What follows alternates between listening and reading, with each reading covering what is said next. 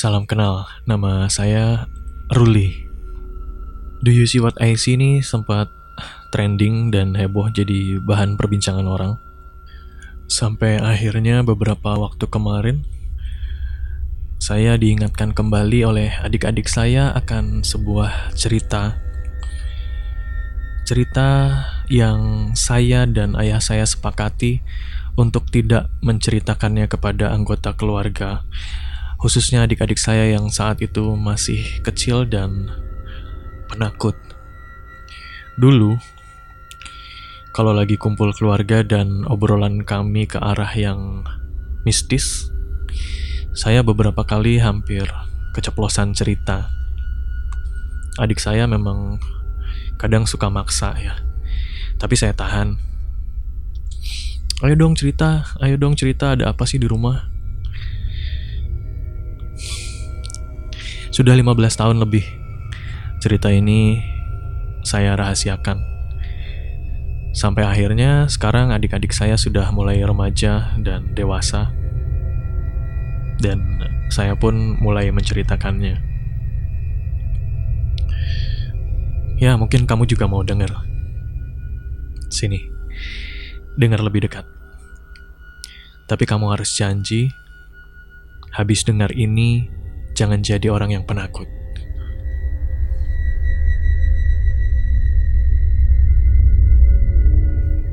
Oke, cerita ini terjadi di tahun 2004. Saya masih semester pertama di bangku kuliah.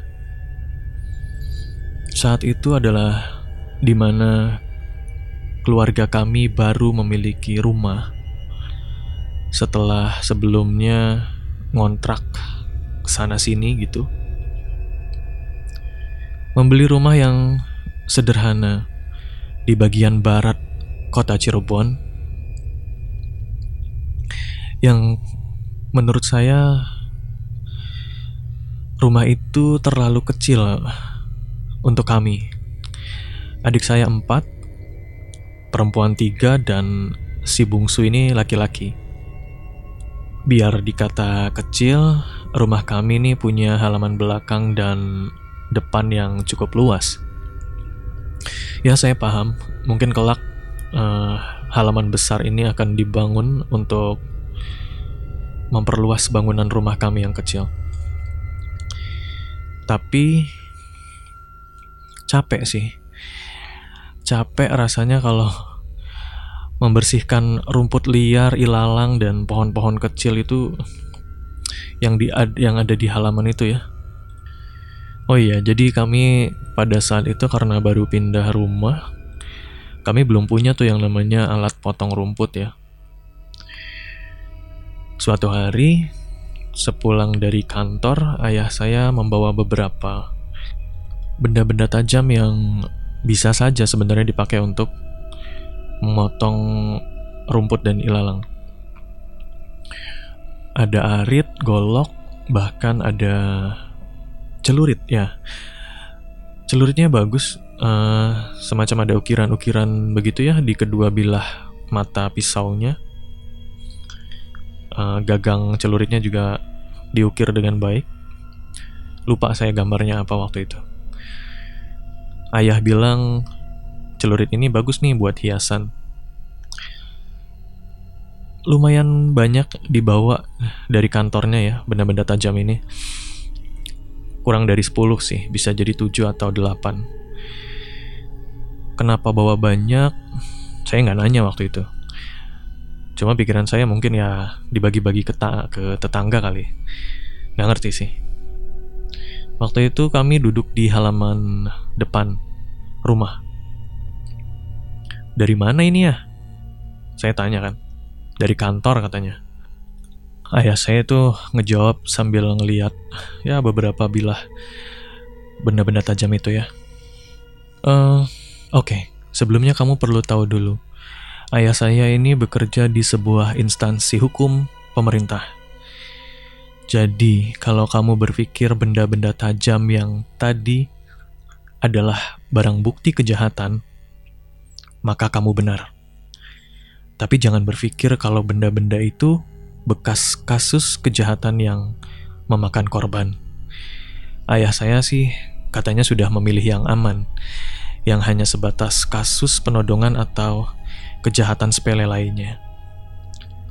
Dan perlu diingat juga, barang-barang bukti tersebut sudah putus perkara. Jadi kalau nggak diambil oleh pemiliknya, ya akan dimusnahkan. Sekarang saya akan mengajak kamu ke dalam rumah. Saya tidur di kamar belakang. Jadi kalau kamu masuk dari pintu depan, kamu akan melewati ruang tamu yang sekaligus ruang TV keluarga. Kemudian kamu akan melewati juga pintu tirai. Dan setelahnya, kamu akan menemukan dua kamar belakang. Kamar saya di kanan, dan di kiri adalah kamar yang saat itu digunakan untuk gudang. Dan sebelah gudang, sebelah kirinya adalah kamar mandi. Satu hari setelah barang-barang bukti itu dibawa ke rumah, malam, tepatnya dini hari, jam satu lewat saya ingat. Dulu itu handphone belum secanggih sekarang. Yang intinya time killer saya di kamar itu hanya satu set PC Pentium 2 yang uh, dengan speaker murahan lah. Waktu itu saya sedang rebahan, mau tidur. Saya pasang playlist musik pop, mungkin pop 90-an ya, di Winem. Tiba-tiba saya mendengar suara. Suara tangisan perempuan yang awalnya saya abaikan, tapi lama-kelamaan suara ini semakin lirih, seperti orang kesakitan. Saya mengerutkan dahi waktu itu mencari di mana sumber suaranya. Saya pause musik dari komputer saya, dan sepertinya suara itu ada di balik tembok.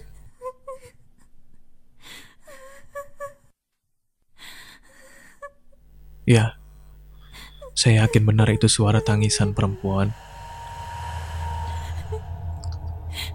Tapi karena saya mencoba berpikir positif, saya pikir itu mungkin rumah tetangga. Suara tangisan dari rumah tetangga. Karena capek waktu itu, saya pun tertidur. Berlanjut ke hari berikutnya Hari itu saya tertidur cepat. Uh, Ba'da Isa saya sudah tidur waktu itu. Dan sialnya, jam setengah tiga dini hari, saya terbangun. Bukan karena apa-apa, melainkan hanya ingin buang air kecil. Saya berjalan keluar kamar, dan sebelum masuk kamar mandi itu, saya menoleh dulu ke ruang TV. Dan benar saja, ada ayah saya di situ. Ayah saya sedang menggantikan popok si bungsu yang kala itu mungkin masih belum genap setahun. Ayah saya memang sering tidur di situ, dengan hanya beralaskan kasur lipat ya.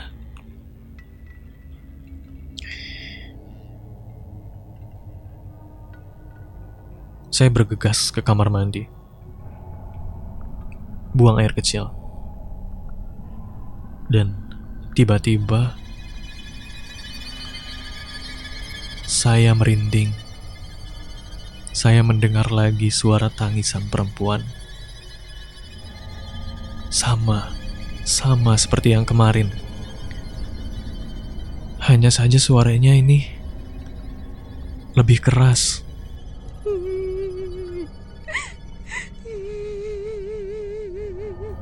lebih dekat, dekat sekali. Uh, suaranya tuh ada di atas saya, persis di atas saya. Saya merinding, denggul saya lemas. itu air muka saya tuh kayak seolah-olah mengkerut gitu ya. Dan gak tahu kenapa kayak saya tuh dipaksa untuk menoleh ke atas gitu. Di mana sumber suaranya itu berada di atas. Jadi di langit-langit kamar mandi saya itu ada celah udara celah untuk sirkulasi udara maksudnya sekotak seukuran setengah meter sama sisi jadi uh, bolong ditutupi oleh ram kawat ram kawat itu semacam anyaman kawat yang kotak-kotak gitu ya. Rasa takut saya itu bercampur dengan rasa penasaran saya untuk melihat ke atas. Dan saya pun melihat ke atas. Kalau kamu tahu, saya bergetar menceritakan ini. Di atas, saya melihat kepala seorang wanita bersandar di kawat. tidak jelas mukanya seperti apa karena karena tertutupi oleh rambut rambut hitam yang saya lihat jelas ada sebuah tangan di mana ujung jemarinya itu seperti seolah mencengkeram masuk di antara anyaman kawat tersebut. Pucat, jemarinya pucat, kukunya panjang. Dan gak tahu kenapa suara saya tuh tiba-tiba keluar suara yang mungkin itu sok kali ya. Saya ketakutan setengah mati. Dan saya enggan lagi untuk menoleh ke atas. Saya berteriak langsung memanggil ayah saya. Ayah, ayah. Tapi sepertinya ayah saya nggak mendengar dan saya langsung meraih gagang pintu. Saya keluar dan saya kembali berteriak kecil. Ayah! Saya bilang saya dari tadi manggil berteriak dalam kamar mandi tapi ayah saya memang tidak mendengar apa-apa sama sekali. Cukup aneh karena jarak kamar mandi dan ruang TV itu kan sangat dekat. Dan saat itu juga saya ceritakan semuanya ke ayah saya. Ayah saya cuma bilang, udah gak apa-apa, tidur lagi aja. Saya terdiam cukup lama karena shock. Sampai akhirnya saya tertidur di sebelah ayah saya dan si bungsu. Besoknya atau siang harinya, ayah saya naik ke langit-langit kamar mandi saya. Dan ternyata benda-benda tajam yang dibawanya dari kantor itu memang disimpan di atas langit-langit kamar mandi. Dibungkusnya dengan karung beras warna putih dengan uh, lilitan tali rafia Kemudian benda-benda tajam itu dibawa ke halaman depan. Saya ikut, saya ikut dan memperhatikan. Di halaman depan dibukanya lagi benda-benda tajam dalam karung itu dan bapak saya terlihat keheranan.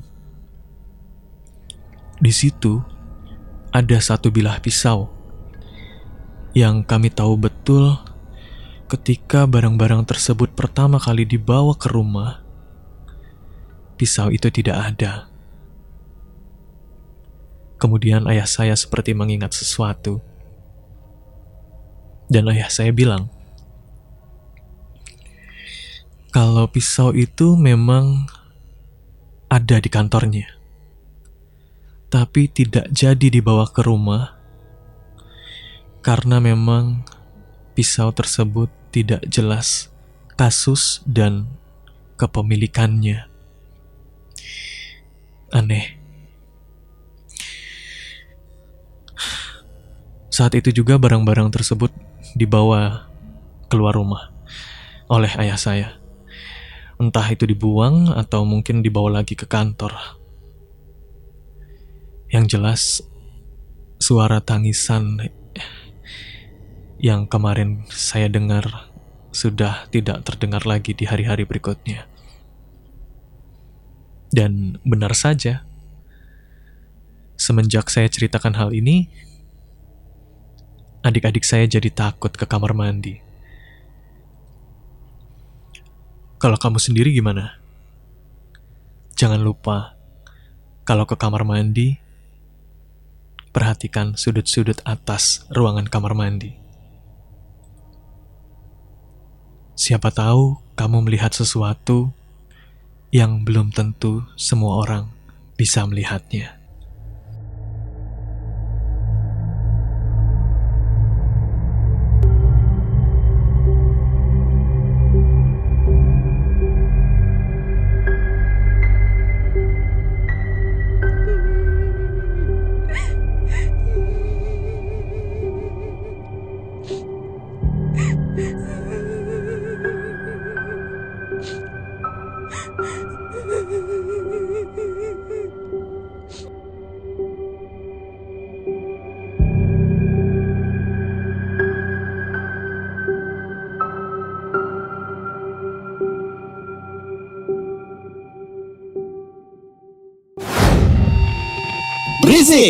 bercanda, isinya musik. Pakai Z ya. Kita dengerin video reactionnya.